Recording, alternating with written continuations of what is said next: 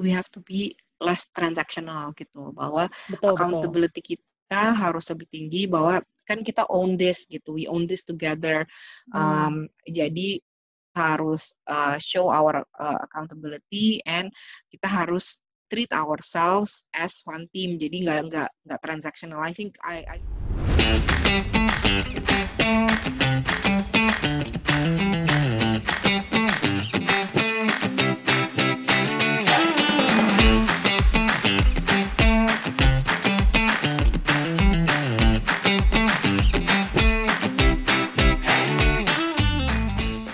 Hai semuanya, selamat datang kembali di podcast Tips and Trick.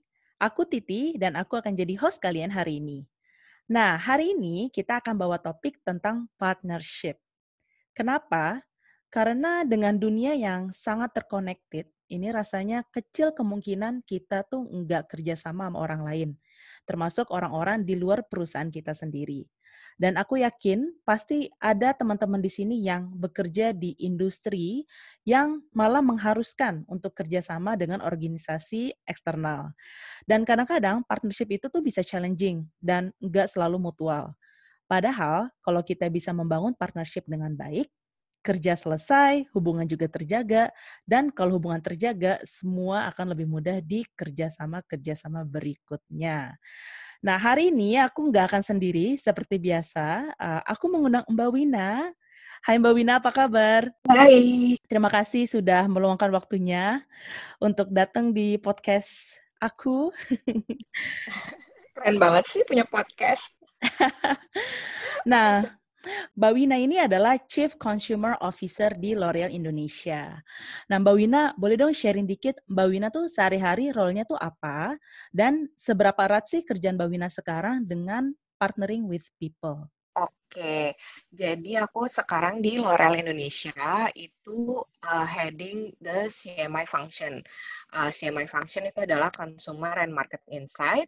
Hmm. Uh, basically, pasti Titi juga udah kenal deket lah dengan CMI function. Untuk L'Oreal Indonesia, uh, aku yang uh, nge-head uh, si CMI function ini sendiri. Nah, sebetulnya kalau misalkan dibilang CMI function itu apa?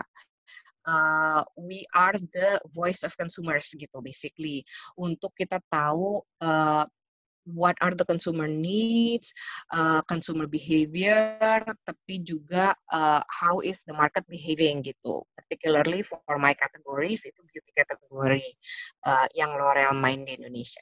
The whole work, the whole job itu sebetulnya it's all about partnership gitu ya, hmm. uh, baik internal maupun eksternal. Kalau misalkan internal kan sebetulnya kita bisnis partnering ke um, stakeholders kita gitu ya. Jadi hmm. ada marketing team, ada sales team, ada juga uh, communications team gitu macam-macam.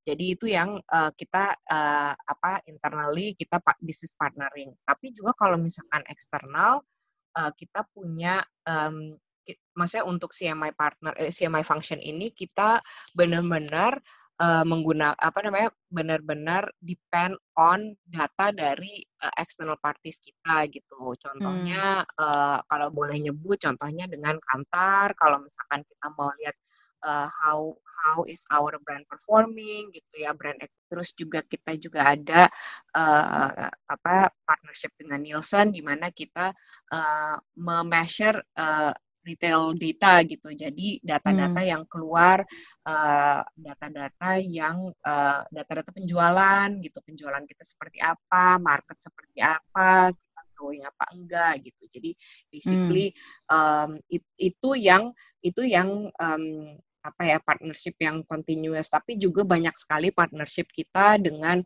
uh, agency-agency misalkan kalau kita lagi mau uh, tentang shopper dan berarti kita harus bekerja sama dengan specific agency ngomongin tentang shopper. Kalau kita hmm. mau tahu tentang beauty trends, kita we work with a different agency gitu untuk um, apa make sure that we have the pulse in our uh, in our consumers gitu. Hmm, I see. Wah nggak sabar banget sih dengar cerita Mbak Wina dan dan juga tips and trick yang pastinya bakal berguna banget buat semua yang dengerin di sini.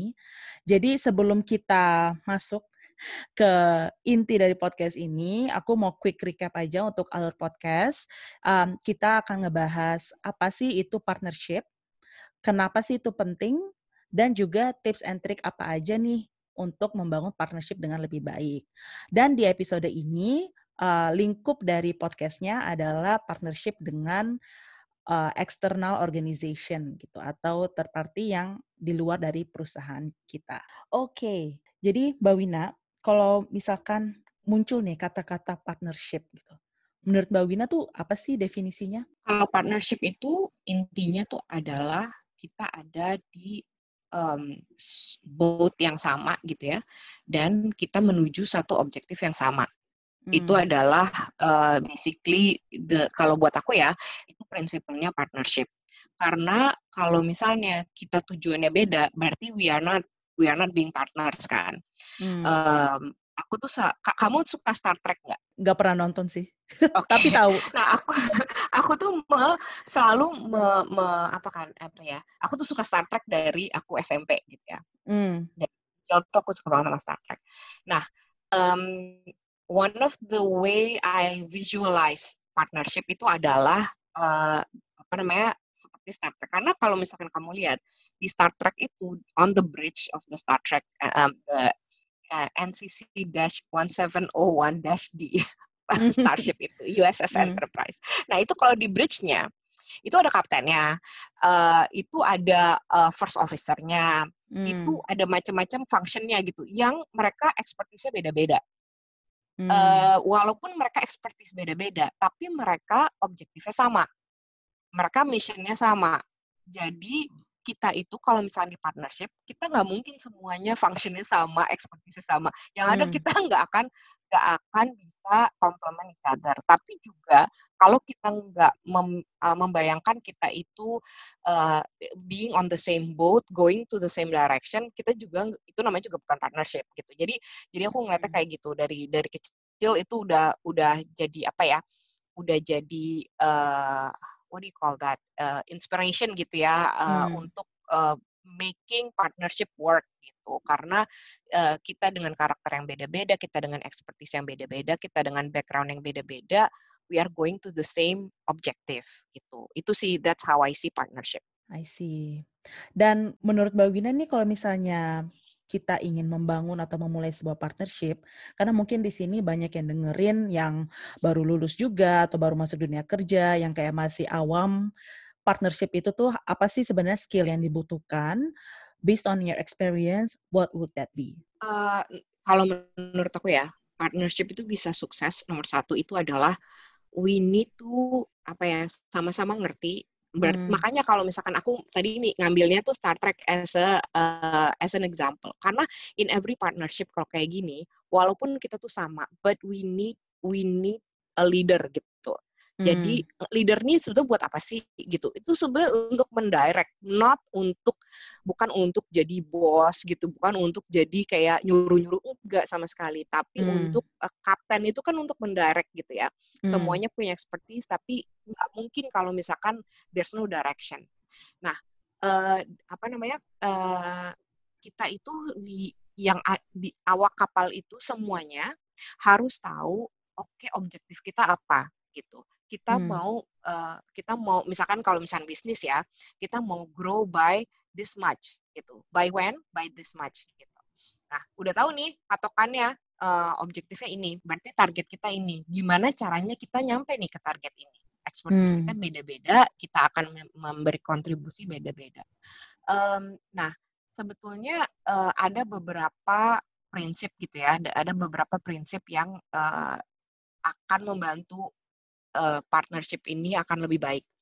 Nomor hmm. satu itu adalah especially with external gitu ya, yang kita bukan dari uh, kita bukan dari company yang sama, tapi kita kita partnering to uh, achieve this common goal gitu ya. Hmm. Number one itu adalah instilling sense of ownership. Jadi nggak berarti kalau kan kamu udah kita pernah pernah satu tim ya Tia, ya, kita pernah hmm. satu tim walaupun kita beda-beda dari dari company yang beda-beda, tapi aku nggak pernah ngerasa bahwa kamu tuh bukan tim aku, gitu. bahwa kita bukan satu tim. I always hmm. feel bahwa uh, uh, yang waktu itu tuh we, we are all one team. Yeah. Dan walaupun kita uh, apa namanya ad-nya tuh uh, apa alamat emailnya belakangnya beda-beda but uh, we all we are all in, on the same boat and we are all uh, apa one team nah sehingga instilling sense of ownership itu penting banget karena hmm. nggak hmm. bisa kayak ah uh, ini bukan kerjaan aku ini bukan kategori aku uh, tapi kalau misalnya kita semua ngerasa bahwa oh my god this is our brand gitu kita mau hmm. brand ini sukses gitu. Jadi anything that um, yang ada hubungannya sama brand ini it's it's apa ya uh, it's like I own it's like I own it gitu. It's like I own the brand gitu. Hmm. itu satu itu penting banget. Nah terus kalau misalkan when it comes to project menurutku tuh yang penting banget tuh adalah uh, involvement gitu. Involving from the beginning sama throughout all uh, the stages um, involvement itu penting banget karena biar kita tuh sama-sama tahu uh, what is happening. Jangan cuma kalau misalkan ah karena karena sama agency partner jadi ya udah nanti aja pas lagi bagian ini oh yang ini nggak usah dikasih tahu bagian ini menurut aku itu nggak akan useful atau helpful gitu ya hmm. karena at the end of the day konteksnya we have a business context gitu jadi the more konteks that we share the apa the better understanding kenapa sih kita melakukan hal ini atau misalkan uh, jadinya strateginya jadi make sense apa enggak. Hmm. Terus juga bahwa yang tadi aku udah bilang bahwa each individual member itu is a member of a core team gitu. Jadi aku ngerasanya mau hmm. itu kita apa nama belakang apa uh, email addressnya belakangnya beda-beda, uh, tapi we are core member of one team gitu. Hmm. Itu sih hmm. basicnya ya. Kalau misalkan apa namanya that's how I feel gitu. Jadi kita yang satu itu adalah kita ngeset nih objektif ya. Semua orang udah tahu nih kita target kita tuh ke situ. Udah gitu. Semuanya udah tahu. Terus kita instill uh, bahwa uh, I own this gitu. We own this together. Um, terus juga involvement dari dari dari awal and throughout the stages dan juga bahwa uh, each member itu adalah core member gitu. Each individual itu adalah core member. Sehingga kalau misalnya kita udah punya itu, uh, what we need to do itu adalah to establish a culture of one team. Wah itu menarik banget sih Mbak, karena aku sejujurnya nggak kepikiran sampai sana um, yang masalah one team, and that's exactly very true gitu. Karena balik lagi sih yang kayak Mbak Wina bilang, partnership itu adalah hubungan ini konteksnya profesional untuk mencapai satu tujuan yang sama gitu. Dan kalau misalnya kita dalam dalam menuju tujuan itu tidak di kapal yang sama, ibaratnya tidak ada yang merasa harus naik kapal yang sama, dan itu pasti akan perpecahan terjadi gitu dan iya, ujung-ujungnya malah nggak nyampe gitu ya. Iya, misalnya nih, misalnya kalau misalkan hmm. kita ditaruh uh, uh, misalkan kita perumpamaan kita tuh kapal gitu ya. Terus kita sama-sama ditaruh dari either dari brand team, dari client side, dari dari agency kita sama-sama ditaruh di satu kapal. Kita nggak nggak nggak believe that we are, we are going to the to one direction. Yang ada kita dayungnya pada beda-beda kan. Lo kalau yeah. dayungnya beda arah ya kita nggak akan ke mana-mana gitu. kita iya. muter-muter aja di situ gitu. We are not we're not progressing gitu. Betul, betul. Nah, berdasarkan dari pengalaman Mbak Wina nih, dengan jam terbang yang udah tinggi banget, partnering dengan Maksudnya berbagai macam. gitu. Pengalamannya dong. Jadi dengan partnering dengan uh, beda-beda organisasi dan mungkin untuk you know different projects juga gitu. Apa sih contoh partnership yang yang baik gitu? Maksudnya in the context of partnership yang baik itu dalam kondisi dan situasi yang seperti apa? Oke, partnership yang baik itu uh, basically um, nomor satu itu ya itu kan kita uh, we're trying to uh, apa we're trying to get to the same direction gitu. Terus hmm. kita sama-sama kita sama-sama transparan dan yang paling aku suka itu adalah kalau misalkan dari kita ya kerjaan kita which is uh, lebih di consumer insights karena at the end of the day we are uh, apa namanya serving kan consumers is our ultimate boss gitu karena kalau nggak dibeli kan nggak laku ya. Iya benar. Nah sebetulnya karena kita ngelihatnya itu consumers sebetulnya consumers itu uh, apa should be um, should be the main uh, the main thing that we see hmm. sehingga kita juga ngelihatnya data yang kita lihat kan kita ngeliat itu consumer data kan kita ngeliat data itu harus ngeliatnya uh, holistically. Jadi misalnya yang tadi aku bilang, aku mungkin nggak expert di sini, kamu expertnya di sini, siapa lagi expertnya di bagian ini gitu ya. Kita hmm. complement each other, but then at at the end kita harus ngelihatnya, uh, ngeliat angle-nya tuh from the consumer side gitu. Hmm. Karena consumers tuh kan nggak ada, nggak misalkan let's say kalau in my in my line of work sekarang ya, uh, makeup consumers gitu cuma makeup doang dia nggak pakai skincare enggak juga kan orang hmm. walaupun dia pakai makeup dia dia mungkin pakai skincare but at the end of the day she is a person gitu she has uh, apa namanya beauty means means something to her gitu jadi hmm. kita ngeliatnya harus from that that person gitu we have to honor that person juga jadi hmm. uh, apa namanya part of that partnership itu adalah encourage the whole team to see the data, to see uh, apa namanya the learnings coming from consumers as holistic view gitu. Itu satu.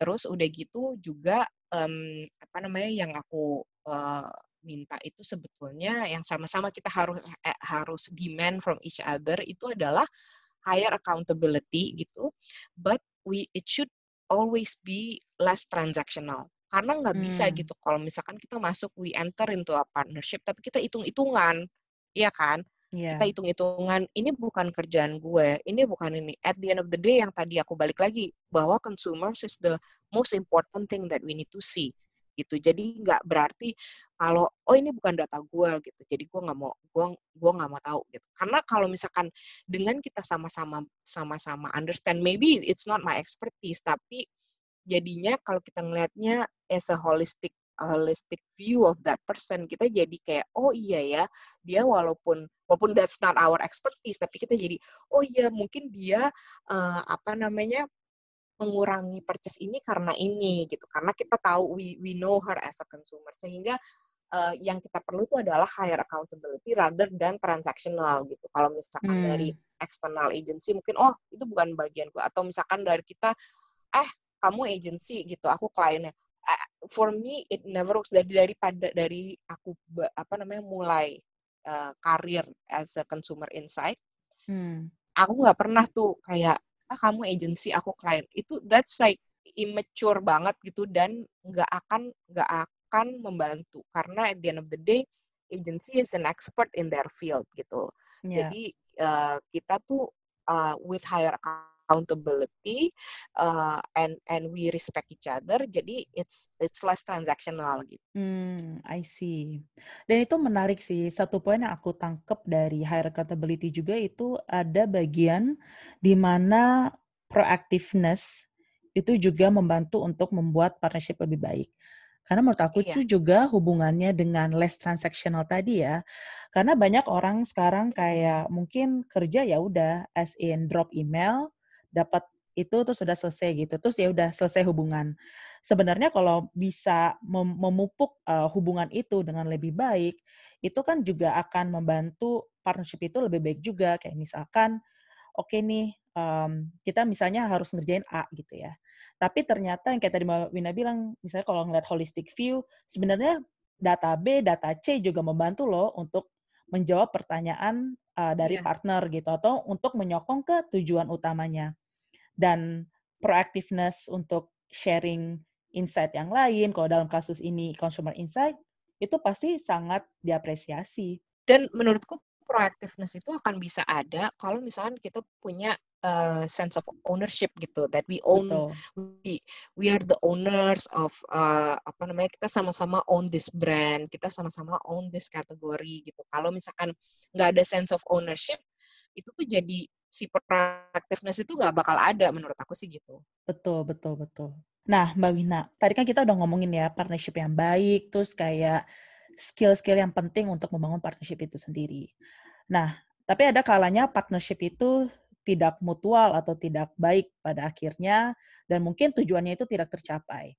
Nah, sebenarnya menurut Mbak Wina nih, apa sih kesalahan-kesalahan ya, kalau bisa aku bilang kesalahan yang mungkin sering dilakukan um, oleh teman-teman kita sehingga hmm. partnership itu ya go south gitu tidak tidak berhasil. Tadi aku udah mungkin udah udah mention dikit ya about transactional. Kayaknya hmm. itu lumayan lumayan uh, fundamental gitu dan mungkin nggak semua orang uh, believe uh, what I believe gitu ya. Tapi hmm. once it becomes transactional, um, partnership itu nggak akan reach gitu. Karena hmm. begitu saya udah ngasih kamu data, udah ya gitu. Itu kan nggak akan nggak akan jadi ke mana-mana gitu. While kalau misalkan if we are in a true partnership, uh, itu akan saling membangun, nggak cuma transaction aja gitu. Nomor satu.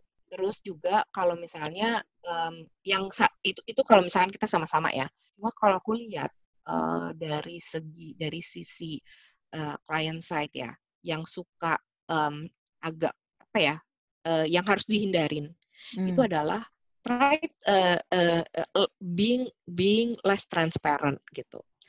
Aku juga nggak bilang bahwa semua data apa confidential harus di share enggak, but hmm. we need to be open and transparent gitu. Uh, open and transparent objektifnya apa, isu kita tuh apa. Karena kalau misalkan dari awal kita nggak transparent, kita nge-share-nya dikit-dikit without giving the right context, ya agency kita atau partners kita nggak akan nggak akan nangkep kan apa sih tujuan sebenarnya gitu. Jadi I think hmm. being open and being transparent uh, is critical gitu. Jadi kalau misalkan dari awal kita udah ah aku mau share briefnya ini aja kan kamu cuma perlu tahu ini aja gitu. Hmm. Hmm, itu nggak konstruktif gitu loh.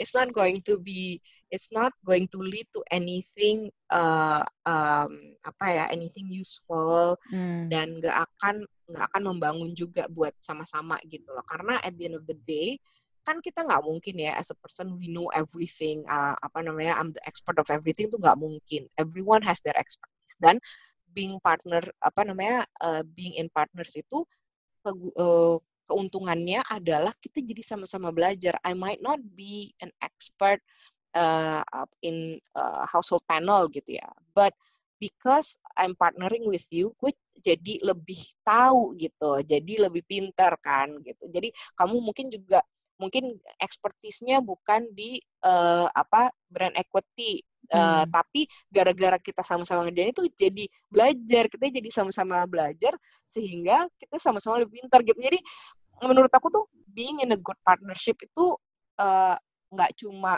menguntungkan untuk dari segi project, menguntungkan dari segi bisnis, but also hmm. menguntungkan buat kita to develop ourselves gitu, professionally, personally gitu. Karena makin pintar. I see. Itu benar banget sih, Mbak. Karena itu jadinya self development ya. Secara hmm. tidak disadari karena membawa kita jadi tahu ilmu-ilmu baru. Nah, um, kalau aku bisa nambahin nih satu hal yang juga mungkin aku sering observe atau mungkin aku juga pernah mengalami dulu adalah saat kita partnerin dengan orang lain kan namanya juga partner sama orang ya dan orang kan beda-beda gitu cara kerjanya berbeda cara komunikasinya berbeda dan kadang saat kita dipertemukan oleh orang yang 180 derajat beda dengan karakter kita dengan cara kerja kita biasanya kita akan bete atau marah-marah atau stres gitu ya. Mm-hmm. Dan kesalahan yang mungkin sering terjadi itu adalah menerima itu semua sendiri, berasumsi sendiri dan jadinya partnershipnya itu ya ya ogah-ogahan gitu. Padahal sebenarnya ada lo cara lain misalkan bisa escalate ke manajer gitu kayak misalkan aduh um, gue lagi agak struggling nih, misalnya kerja sama si A gitu, baiknya gimana ya? Jadi seeking for help, support, and advice dari orang yang mungkin lebih senior, yang udah lama gitu. Instead of marah-marah atau misalnya kayak ngata-ngatain lah, terus yang kayak kedengeran satu kantor gitu. Um, hmm. I think that's also one of uh, the common mistake um, saat kita hmm. melakukan partnership juga sih. Nah, kalau untuk to build on your point gitu ya, hmm. uh, kalau misalkan kita bekerja dengan orang yang mungkin cara working style-nya beda sama kita, personality beda sama kita. Yang penting itu in that team, uh, apa namanya, during that partnership itu uh, yang harus kita acknowledge itu atau yang harus mungkin kita biasakan hmm. adalah uh, walaupun ekspertisnya beda-beda, but uh, everyone should have a voice gitu. Yeah. Kayaknya gitu sih, karena uh, apa namanya by having a voice kita jadi sama-sama mendengar mungkin juga nggak akan kepake gitu inputnya but uh, challenging each other terus juga challenging our point of view itu akan helpful juga dan jadinya walaupun kita berbeda-beda um, kita nggak akan kayak di dalam hati kesel gitu karena itu udah oh. udah udah bisa sama saling uh, expressing their point of view. Terus juga kayaknya kalau menurut aku ya uh, hmm. kan uh, seperti kamu udah bilang aku udah lama ya berkecimpung. Dan uh, apa namanya uh, some of the partners I have I have gitu ya selama uh, sudah belasan tahun bekerja itu uh, one of my oldest partners longest partners ya uh, sekarang kita udah nggak nggak partneran lagi uh, cuma one of my longest partner uh, when I was in my previous company itu uh, I have this one person yang nggak tahu kenapa itu di berbagai kategori di ber, aku di berba, kita di berbagai negara kita tuh selalu waktu itu selalu bareng gitu ya hmm. sampai terakhir jadi kita pindah-pindah kategori nggak tahu kenapa akhirnya bareng aja gitu waktu uh, kita pernah ada di di HR itu uh, apa facilitate um, apa yang namanya workshop untuk tahu working styles uh, based on kepribadian bla bla bla. Hmm. Dan aku sama orang ini tuh bener-bener kayak bertolak belakangnya itu parah gitu. Kayak uh, everything I I apa namanya everything I excel dia enggak, everything di excel aku enggak. Hmm. Jadi benar-benar dan kepribadian juga gitu. Eh, kepribadiannya dia yang mentok bagian ini aku ben, uh, gitu. Jadi benar-benar kayak kita kayak mirror opposite banget. Hmm. Tapi we've been partners in multiple brands and multiple categories itu dari tahun 2009. Dari tahun 2009. Oh my god, wow. lama banget. lama banget sih. Sobat lama. Jadi walaupun pindah-pindah gitu ya, uh, walaupun pindah-pindah, walaupun uh, kadang nggak kadang kadang nggak kerja bareng, tapi nggak tahu kenapa selalu akhirnya kerja bareng lagi, kerja bareng lagi, kerja bareng. Hmm. Dan itu waktu aku lihat itu, itu lumayan shocking gitu karena oh my god gitu tuh benar-benar benar-benar kalau dipetakan tuh benar-benar beda banget. But, but saking bedanya we complement each other gitu. Jadi kayaknya juga kita mesti open minded hmm. bahwa hmm. sometimes working with people exact opposite as us uh, be it in in expertise, be be it in cara mikir, be it in personality, can be a good thing gitu. Jadi jangan takut duluan, especially yang pada baru mulai kerja nih, hmm. jangan takut duluan kalau misalkan dipikir bahwa aduh eh, kayak uh, partner aku nih kayaknya nggak banget nih, kayaknya orangnya beda banget sama aku gitu. Kadang karena kadang-kadang dengan kita benar-benar polar opposite, kadang-kadang malah malah bisa bagus banget gitu karena saling hmm. me mengimbangi satu sama lain gitu. Luar biasa sobat lama Mbak Wina. Eh, itu beneran gak sadar ya Mbak ya? Kayak sampai hari di mana HR itu melakukan workshop itu baru ngeh kalau ya, ternyata ya, tuh sangat sih. berbeda. Aku tahu emang emang aku sama dia tuh aku sama dia tuh memang memang beda gitu. Maksudnya kayak hmm. tahu bahwa kita beda tapi sampai bener-bener kalau itu kan quantified ya. Sampai itu bener-bener oh my god, kita seper seberbeda itu. Oke. Nah, Mbak Wina, tadi kan kita udah ngebahas nih tentang contoh-contoh partnership yang baik, yang kurang baik, skill yang penting. Jadi semoga teman-teman yang dengerin juga ada bayangan ya, kayak tipe-tipe partnership itu uh, yang baik dan buruk itu seperti apa. Nah, sekarang kalau kita ngomongin masalah impact, gitu. Kita semua pasti tahu lah partnership itu pasti penting. Dan itu kenapa ada episode ini. Tapi kalau misalnya bisa di elaborate mungkin um, in points gitu. Sebenarnya what kind of impact yang yang bisa kita um, rasakan kalau kita bisa membina partnership itu dengan baik? Uh, kalau misalkan impact ya, impact yang baik itu adalah uh, we get to learn from each other.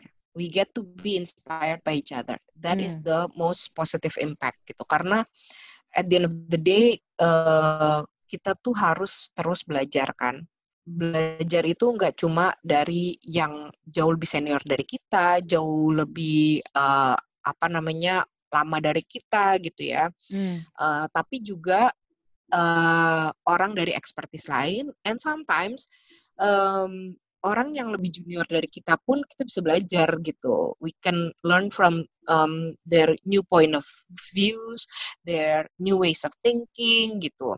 Hmm. Jadi at the end of the day, uh, yang the most uh, positive impact from a good partnership itu adalah uh, we are able to learn from each other.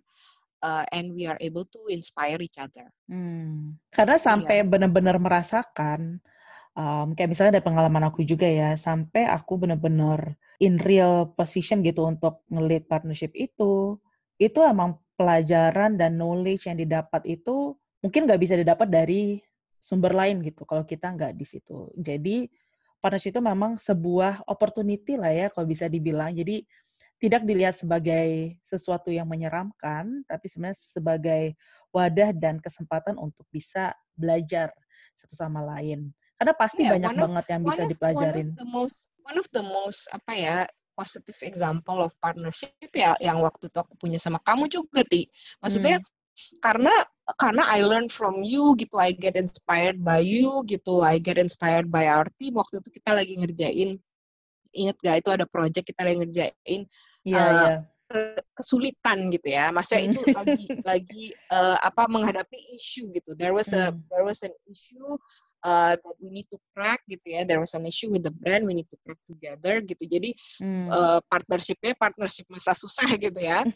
Dan uh, apa namanya uh, during that time, during that project yang memang kita uh, apa namanya untuk nge-cracknya sulit banget, tapi uh, malah jadi maksudnya I was inspired not only by your expertise gitu kan you, apa namanya you are more of an expert kalau misalkan di uh, consumer panel gitu tapi juga uh, apa namanya I was inspired by your optimism gitu by by your positivity gitu jadi kayak kita apa namanya waktu itu I was uh, I was inspired by you I was inspired by our team gitu kayak waktu itu aku ngerasanya kayak how lucky I am to have uh, you guys as my team gitu. Jadi oh. it's always like that. Maksudnya uh, apa namanya good partnership tuh selalu will will leave us feeling uh, uh, grateful gitu.